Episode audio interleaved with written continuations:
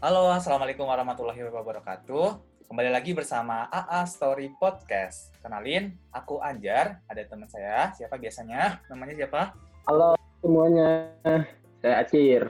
Oh iya, kali ini kita kedatangan bintang tamu yang bakal bahas tentang zero waste lifestyle. Ada Miftah Khairina dari UI. Buat Miftah, disilakan Mif.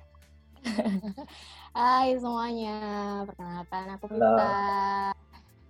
Uh, kayak yang disebutin Acir tadi, aku bisa dibilang penggiat zero waste lifestyle dan aku juga punya bisnis tentang zero waste, namanya Berulang. Silahkan dicek di Instagram kalau mau kepo-kepo. Terima kasih. Oke, okay, thank you Mif udah mau datang ke sini buat ngobrol-ngobrol. Aku yang thank you udah diundang. di tengah di tengah kesibukan kita semuanya ya. oh iya, uh, Mif, uh, aku mau nanya dikit-dikit sih. Tadi kan Mifta nyebutin ya kalau misalkan uh, Mifta tuh punya apa? Mifta tuh kayak penggiat uh, zero waste lifestyle. Nah, apa sih Mif yang apa kayak men-trigger gitu loh kayak misalnya Mifta kok, kok bisa melakukan itu gitu? Hmm, oke. Okay. Nah. Jadi awal mulanya itu tahun 2018 itu lagi naik-naiknya banget kan kak yang isu sedotan plastik yang mengganggu satwa di air, terus uh, juga uh, sampah plastik tuh jadi apa negara Indonesia tuh jadi penghasil sampah plastik terbesar di dunia dan segala macamnya. Nah uh, awal mulanya itu karena aku follow salah satu influencer tentang uh, gaya hidup minim sampah ini terus kemudian aku tertarik kayak oh iya juga ya maksudnya aku dari background aku background pendidikannya kesehatan lingkungan yang mana juga dalam kesehariannya juga bahas tentang plastik polusi dan lain sebagainya kenapa nggak coba nih nerapin uh, habit yang bagus banget dan ini sejalan gitu loh sama apa namanya background pendidikan aku. Dan kayaknya kalau misalkan aku bisa dibilang mengedukasi orang-orang di sekitarku akan jauh lebih bagus juga manfaatnya. Nah, dari situ aku mulai tergerak untuk uh, baby step untuk memulai gimana sih zero waste lifestyle. Terus aku juga iseng-iseng bikin bisnis berulang itu. Eh, alhamdulillah dampaknya cukup mencengangkan juga. Waktu itu antusiasme orang lagi tinggi-tingginya dan uh, emang hype banget kan tentang sedotan stainless, terus pemakaian uh, goodie bag dan lain sebagainya. Nah dari situ aku merasa kayak kayaknya ini harus diterusin deh. Maksudnya bukan cuma tren aja, kayaknya emang bagus kalau misalkan buat dalam keseharian. Itu sih awal mulanya. wow.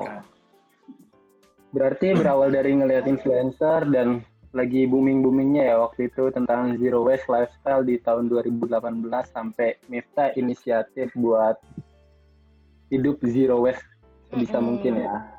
Dan ini juga sebenarnya karena ada tanda kutip tekanan sih karena gue kan anak oh. kesehatan lingkungan kayak emang apa sih kontribusinya? Nah, gue pengen uh, ini nih buktiin kalau salah satu kontribusi jadi anak kesehatan lingkungan tuh ya bisa mengeduket teman-teman di sekitar gitu.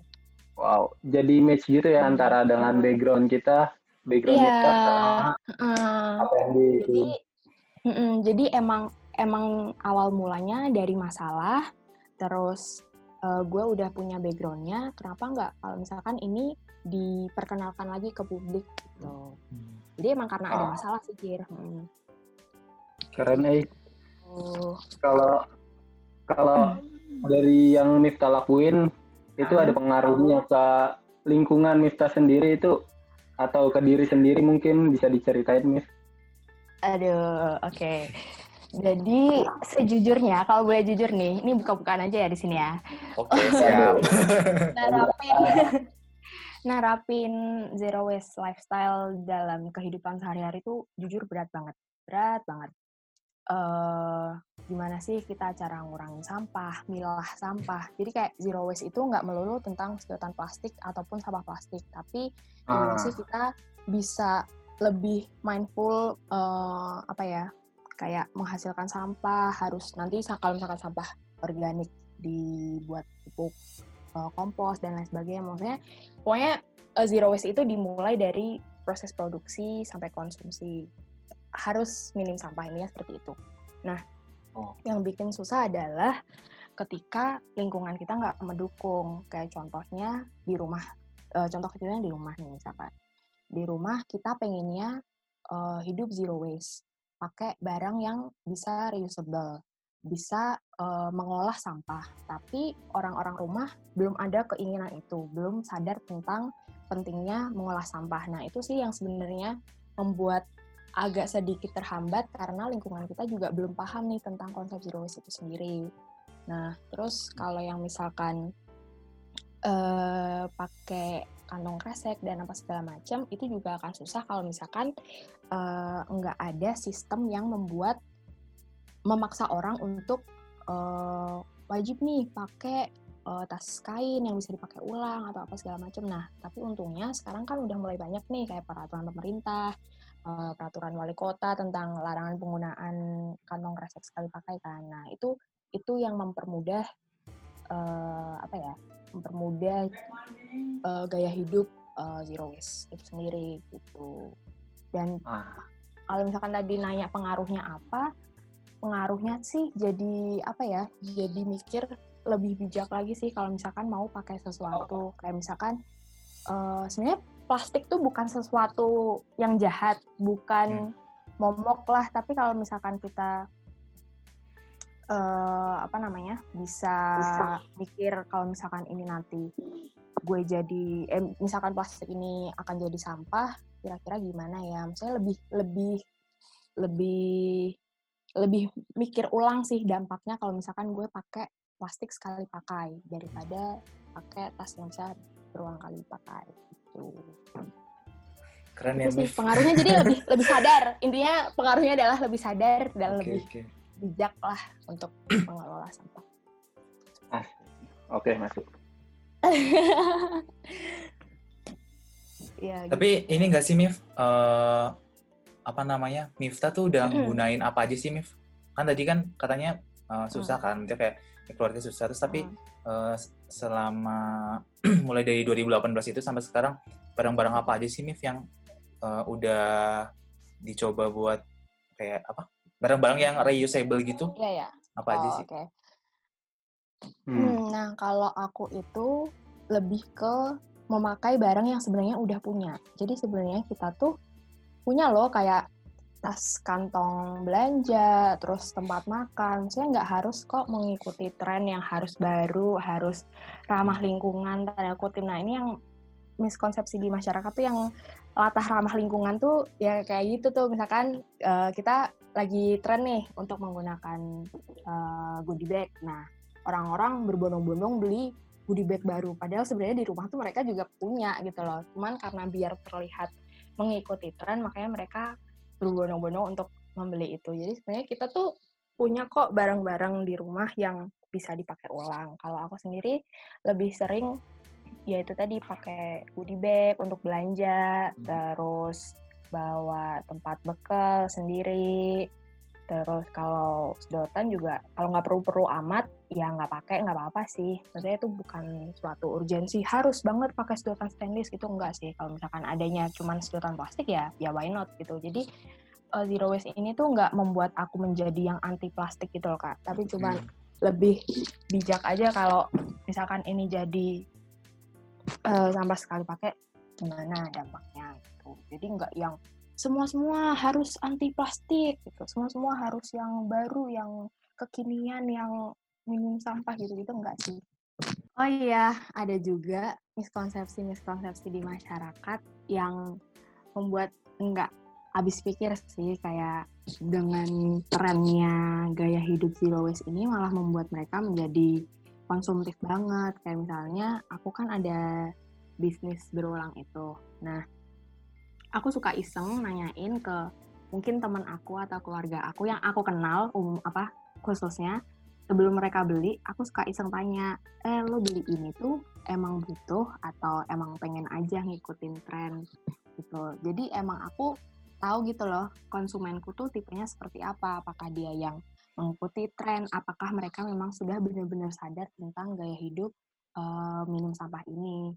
Nah Terus setelah aku nanya uh, di beberapa minggu atau beberapa bulan kemudian, istilahnya aku monitoring nih mereka beneran nggak sih masih pakai barang-barang yang aku beli? Kayak misalkan teman aku contohnya uh, kita sekampus terus ya kegiatannya bareng-bareng kan ya. Kalau misalkan di kantin aku lihat nih dia kira-kira masih nggak ya pakai sedotan stainless yang beli di aku? Apa dia uh, masih pakai sedotan plastik nah itu aku juga memperhatikan sih mana orang yang uh, emang bener-bener mau ada keinginan untuk menerapkan gaya hidup minim sampah ini mana yang emang cuma ngikut tren aja gitu.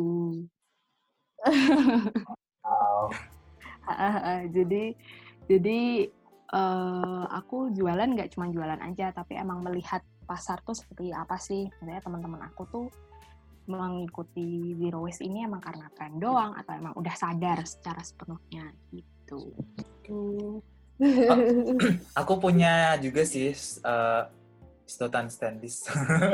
waktu itu, waktu itu iya. kan uh, ini kan iseng aja gitu kan, kayaknya emang emang mm. lagi tren loh waktu itu. Aku masih kuliah waktu itu. Terus uh, coba wah ini murah nih gitu. Terus aku beli sekalian tuh sama beberapa orang teman gitu loh kalau karena lagi promo gitu. Terus akhirnya beli. Tapi sekarang-sekarang tiba-tiba tuh aku kemarin tuh baca gitu loh, kayak uh, ternyata tuh uh, apa sih kalau nggak salah penggunaan apa waktu produksi produksi uh, si sedotan stainless ini tuh kayaknya lebih nggak ramah lingkungan gitu daripada uh-huh. sedotan plastik itu. Itu benar nggak sih, Mif? Boleh dijelasin? Oh. Nah iya sih kak, ini perdebatan tentang sedotan stainless juga nggak akan ada habisnya sih sebenarnya.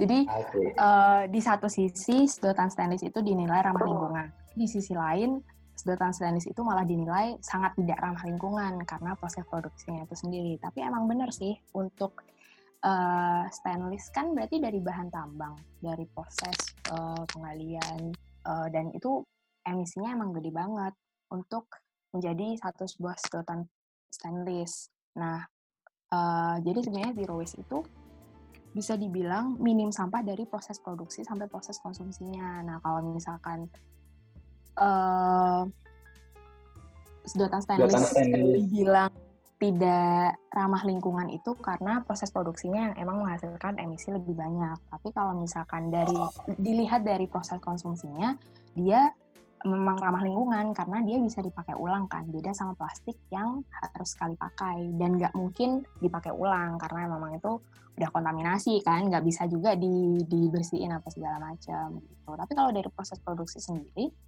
sepertinya kalau yang sedotan plastik itu lebih minim emisi sih daripada yang stainless. Ah. Gitu. Wow, insight banget nih. Jadi itu sebenarnya preferensi masing-masing orang sih mau menganggap sedotan stainless itu sebagai produk ramah lingkungan atau enggak. Hmm. Gitu. Oh, jadi dari yang gue tangkep, Mif, berarti hmm. melihatnya itu kalau yang isu tadi sedotan stainless dari hmm. pendekatannya kalau yang produk kalau yang sedotan stainless cara produksi dia lebih emisinya lebih besar tapi ya. setelah dipakai itu bisa berkepanjangan ya, kalau sedotan plastik kebalikannya wow ya ngomong-ngomong ngomong-ngomong soal sedotan stainless hmm. beberapa tempat nikahan emang beberapa lagi apa lagi boomingnya ngasih souvenir pernikahan pakai sedotan stainless itu kalau dari lu gimana, Mis? Jadi mereka ngasih souvenir sedotan stainless sama sikatnya hmm. itu. Hmm, oke. Okay. Kalau dari gue malah menurut gue itu adalah sesuatu yang positif ya. Karena secara nggak langsung yang punya acara nikahan itu nge-educate orang-orang kalau misalkan uh, ternyata gaya hidup minim sampah tuh sekarang emang lagi tren loh dan itu secara nggak langsung mengajak orang-orang untuk uh, melakukan minim sampah dari hal yang terkecil yaitu pakai sedotan uh, stainless. Kalau menurut gue sih sah-sah aja ya, maksudnya nggak ada hal yang salah, toh itu haknya mereka juga mau pakai sedotan stainless atau nggak pakai sedotan sama sekali, gitu. Wow. Kalau lo sendiri gimana, Cir? Menurut lo gimana? Kalau orang-orang yang kasih souvenir? Kalau menurut gue, kalau menurut gue, gue suka banget jadi punya koleksi sedotan stainless di rumah. Oh gitu ya.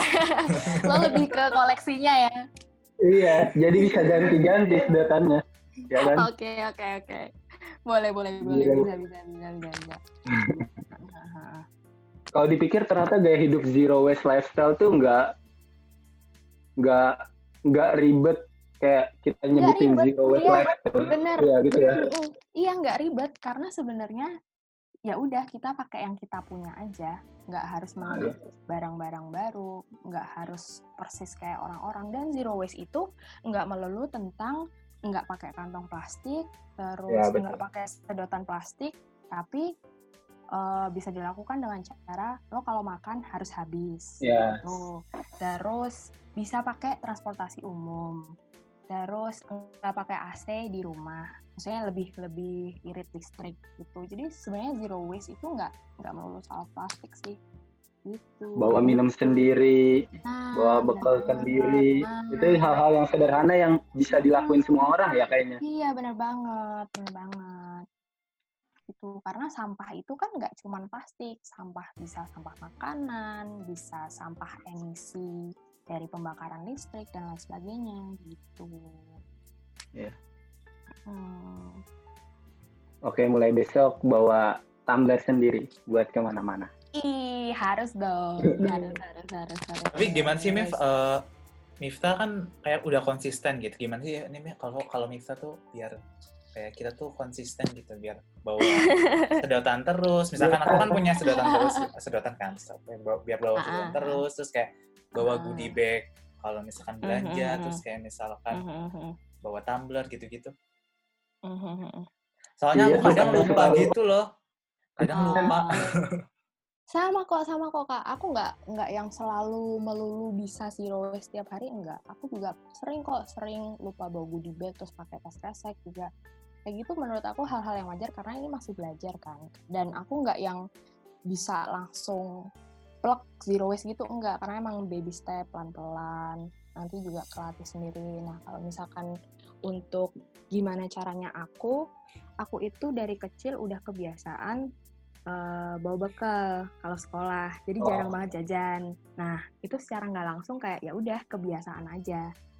Eh, bawa bekal sendiri bawa Hmm. minum sendiri. Jadi kebawa aja sampai sekarang. Terus kalau misalkan yang belanja nah ini sih yang aku menurut aku lingkungan itu ngebantu aku banget. Karena kalau di aku kan ini di Semarang kak di Semarang itu Hmm. beberapa pusat perbelanjaan udah emang nggak nyediain kantong plastik sama sekali. Jadi mau nggak mau emang harus bawa tas gitu loh. Dan kalau misalkan berpergian emang tas goodie bag itu udah wajib ada di mobil sama di motor. Jadi kalau misalkan kita mau ke mana-mana udah otomatis lah kita punya bawa sendiri gitu. Jadi peran lingkungan tuh juga sebenarnya penting banget karena itu yang bikin ngetri- nge-trigger kita untuk disiplin gitu loh kak. Kalau misalkan eh, dari lingkungan sendiri nggak ada peraturan itu juga yang bikin kita bolong-bolong. Maksudnya yang bikin kita nggak konsisten untuk melakukan zero waste gitu. jadi ini ada faktor internal dan eksternalnya. Kalau internal karena kebiasaan udah bawa eh, tempat makan sendiri dan lain segala macam kalau misalkan yang faktor eksternal emang dari peraturan pemerintah yang mengharuskan kita untuk goodie bag dan lain sebagainya gitu Iya tuh. Kalau dari gue sendiri pernah beberapa kali belanja ke Mm-mm. Alfamart. Mm, Lupa kalau ada peraturan itu. iya Akhirnya kan? bawa kantong. Sendiri ya Tapi lama-lama jadi kebiasa kok. Sekali dua Nah, kali paling kan? lupa. Tapi Nah, ya nah bener kan? Iya, emang lingkungan tuh juga mempengaruhi banget soalnya. Hmm. Gitu. berarti dengan adanya peraturan dari gubernur ini Hmm? secara langsung secara langsung mendukung ya dengan zero waste lifestyle ini ya, Miss? Iya, heeh, benar. Tapi mungkin pada saat ini tahapnya masih ada di kantong kresek aja kali ya. Hmm, Karena iya. mungkin konsumsi terbesar masyarakat kan kalau misalkan belanja itu kantong kresek. Nah, mungkin ke depannya bisa lebih hemat energi atau apa ya, mengkampanyekan tentang makanan yang nggak boleh sisa. Itu sebenarnya juga salah satu konsep zero waste sih. Mm-mm. Oh iya. Mif. Tadi kan eh, Miftah kan jelasin juga kan kayak kebiasaan-kebiasaan gitu. Itu kalau misalkan dihubungin sama pandemi sekarang eh, gimana sih, Mif?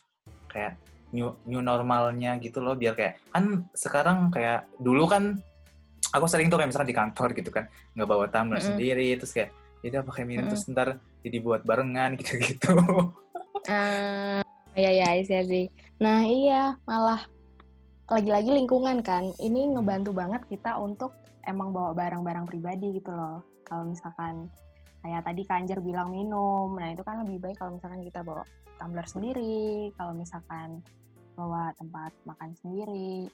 Berarti dengan adanya pandemi ini selain kita jadi new normal itu sebenarnya makin ngewadahi kita buat lebih hid- hidup lebih zero waste ya.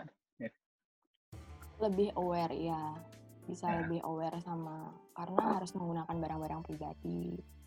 Dan kalau bisa barang-barang yang emang udah dipunya biar bisa dipakai ulang gitu. boleh ngasih eh, tips dan triknya gitu Apa? nggak sih Mif biar kayak kita tetap men- apa menerapkan Koma lah Ah. gitu. menerapkan zero waste gitu Uh, kalau tipsnya mulai dari barang-barang di rumah. Hmm, Nah. Kalau misalkan dirasa tidak perlu untuk membeli, nggak usah beli. Gitu. Misalkan mungkin kan sekarang banyak ya orang-orang yang sengaja membeli barang-barang yang estetik mungkin hanya untuk konten, mungkin untuk dilihat orang, tapi sebenarnya itu nggak perlu loh zero waste tuh nggak gitu konsepnya zero waste tuh ya udah memakai yang kita punya aja gitu, nggak usah harus sesuatu yang baru.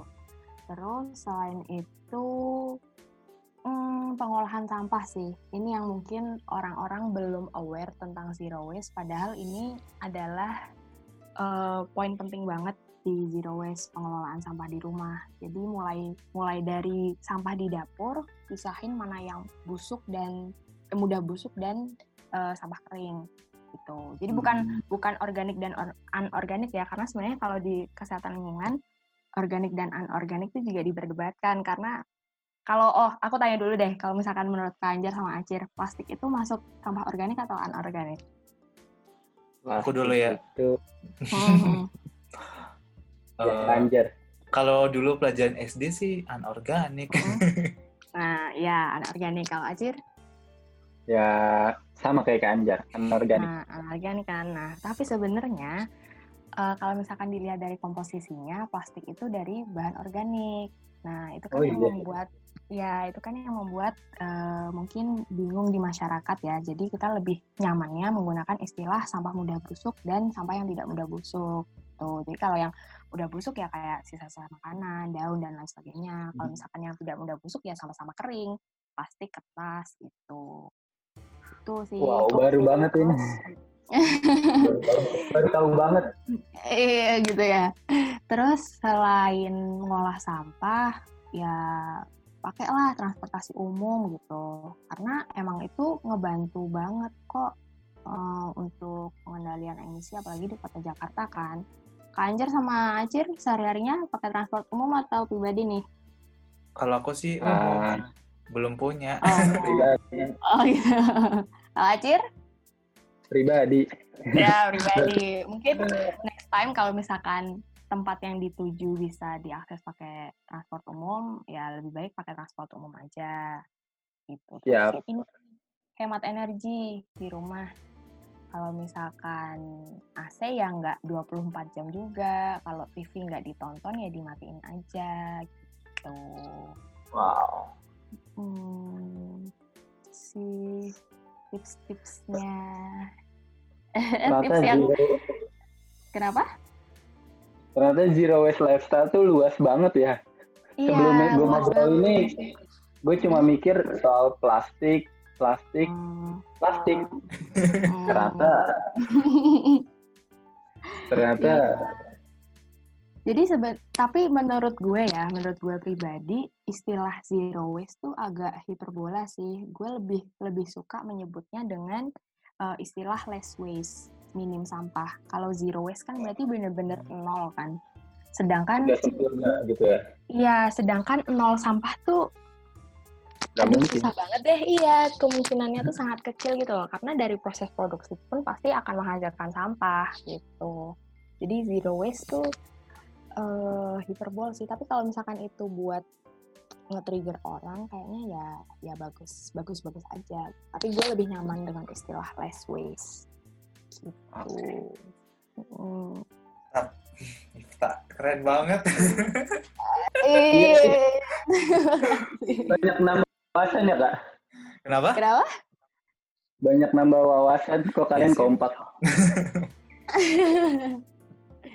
gitu dan oh ini lagi kak mungkin yang belum sempat tersinggung styrofoam.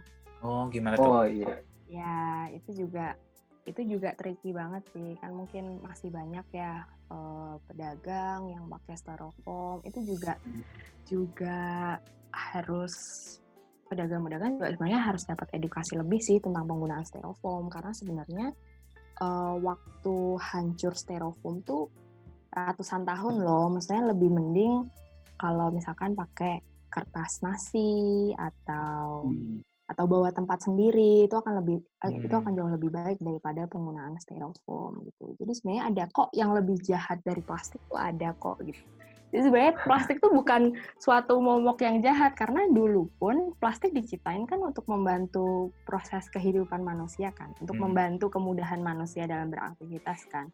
Dan apa sih sekarang yang nggak nggak terbuat dari plastik? HP dari plastik, laptop dari plastik, semua perabotan rumah tangga mayoritas juga plastik. Jadi sebenarnya plastik itu emang hal yang positif sih menurut aku itu ha- apa namanya manfaatnya tuh emang banyak banget. Cuman yang menjadi masalah adalah manusianya yang nggak bisa ngolah sampah plastik Oh. gitu. Jadi yang jahat tuh sebenarnya manusianya kalau boleh dibilang bukan plastiknya gitu. Berarti kita harus mengartikan zero waste lifestyle sebagai proses yang berkepanjangan ya, Miss? Nah, Oke, benar banget, benar banget. Karena emang tren zero waste tuh tricky banget. Kayak pasti ada deh eh, pihak yang nggak setuju dengan anti plastik lah, dengan sedotan stainless apa segala macam. Pasti adalah perdebatan-perdebatan kayak gitu. Tapi di samping itu sebenarnya banyak kok hal positifnya kalau misalkan kita nerapin gaya hidup minim sampah. Ah, mantap. Hmm. Itu. Apalagi Cir yang mau ditanyain Cir? Udah sih kak. Jadi tanya. tercerahkan. Aduh. Mungkin Kita sekarang lagi di mana sih, juga- Mif? Di rumah, iya. di Semarang. Oh, di Semarang. Aku di Semarang, iya. Karena sejak Maret eh, lockdown kan, disuruh Hmm. Jokowi pulang. disuruh Jokowi. Ada peraturan yang, peraturan kampus juga Pak Jokowi. Iya. Peraturan kampus juga mengharuskan mahasiswa rantau lebih baik pulang. Ya udah, semenjak yang 13 Maret itu aku pulang deh. Sampai sekarang belum balik ke Depok. Gitu. Wah, lama banget ya. Pengen juga balik ke Depok, tapi aku mikir-mikir kayak ini sekarang kasus makin naik, terus tapi orang makin betul. biasa aja. Nah, itu yang bikin aku takut sih. Bikin aku nggak mau balik malahan. Karena orang makin biasa aja sekarang. Iya. Emang paling safe di rumah masing-masing. Sama aku Iya, juga tapi- kok, Mif. Oh iya kak, belum balik ke Jakarta. Belum, aku masih di Purwokerto kok. Oh iya, dari bulan apa kak? Aku berarti bulan April. April ya. Hmm. Pokoknya waktu nggak boleh pulang kampung, aku hamin satu pulang. Hmm. Hamin satu nggak boleh pulang kampung, aku pulang. Hmm. Hmm. Tapi tetap Hmm. sih, kayak misalkan aku pulang di rumah di kamar terus gitu selama 14 hari. Makanan juga dipisah Hmm. gitu-gitu. Ya, Oh, karantina nice. mandiri gitu. Oh mantap, good good good. Kalau kalian naik KRL juga udah lumayan rapet-rapet banget sekarang. Oh iya, ya ampun, ngeri nggak sih? Aduh ya Allah, new normal new normal ini. Hah, Semoga cepat kelar ya. Udah iya semoga cepet kelar. Tapi prediksinya masih lama sih kak. Kapan ya? Nggak ada yang bisa. Kenapa? Kapan ya kira-kira? Iya nggak tahu nih. Mintanya sih secepatnya ya. Allah, biar bisa beraktivitas lagi dengan tentram. biar bisa skripsian juga. Iya, ayolah Cir, skripsi Cir. Masih 2020. Kenapa? Kan, bi- Oh iya, bisa di rumah. Mm-mm, di rumah.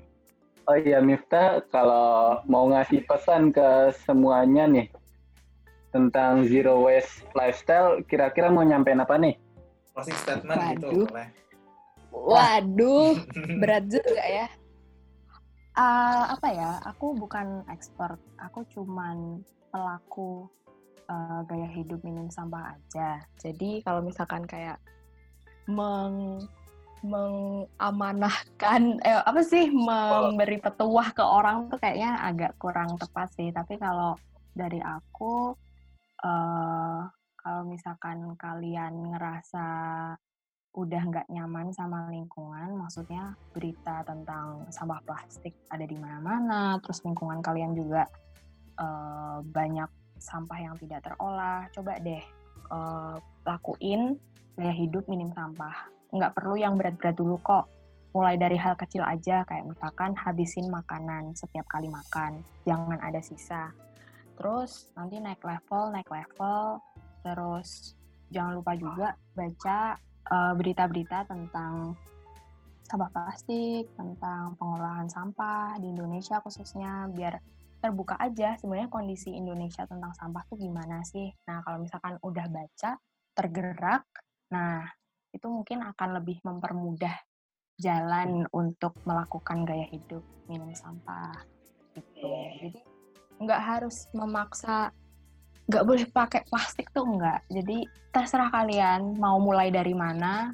Yang penting mulai dari hal kecil dulu, gitu. Ah. Biar nggak memberatkan. Karena nanti kalau misalkan udah eh, mindsetnya, oh oke gue harus anti plastik, itu malah akan susah nanti ke depannya, gitu. Karena ekspektasinya terlalu besar gitu loh. Mending eh, menjalankan dari yang kecil-kecil dulu aja gitu sih menurut aku. Nah, Aduh, ngomong apa ya gue barusan ya?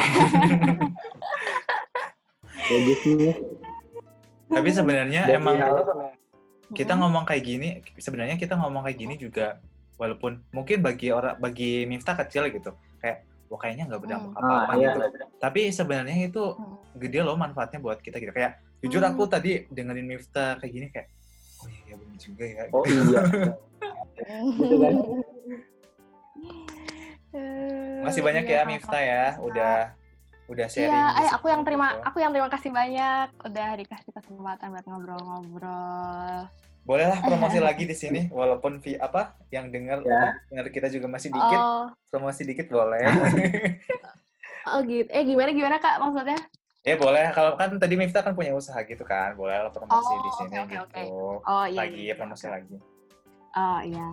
Ya, buat teman-teman yang mau memulai gaya hidup minim sampah, mungkin bisa dicek Instagram berulang, di follow.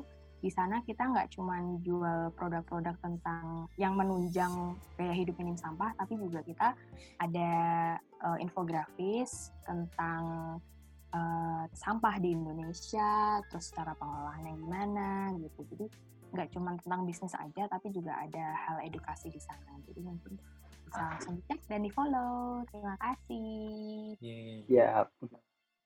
Oke, sekali lagi makasih ya Miftah. Iya, terima kasih banyak. Aku yang terima kasih. Makasih, makasih terus. Iya, makasih, makasih terus. Ayat. Dan makasih juga teman-teman udah mendengarkan AA Story Podcast. Ya, ditunggu ya buat episode selanjutnya. Dah. Dah, ya.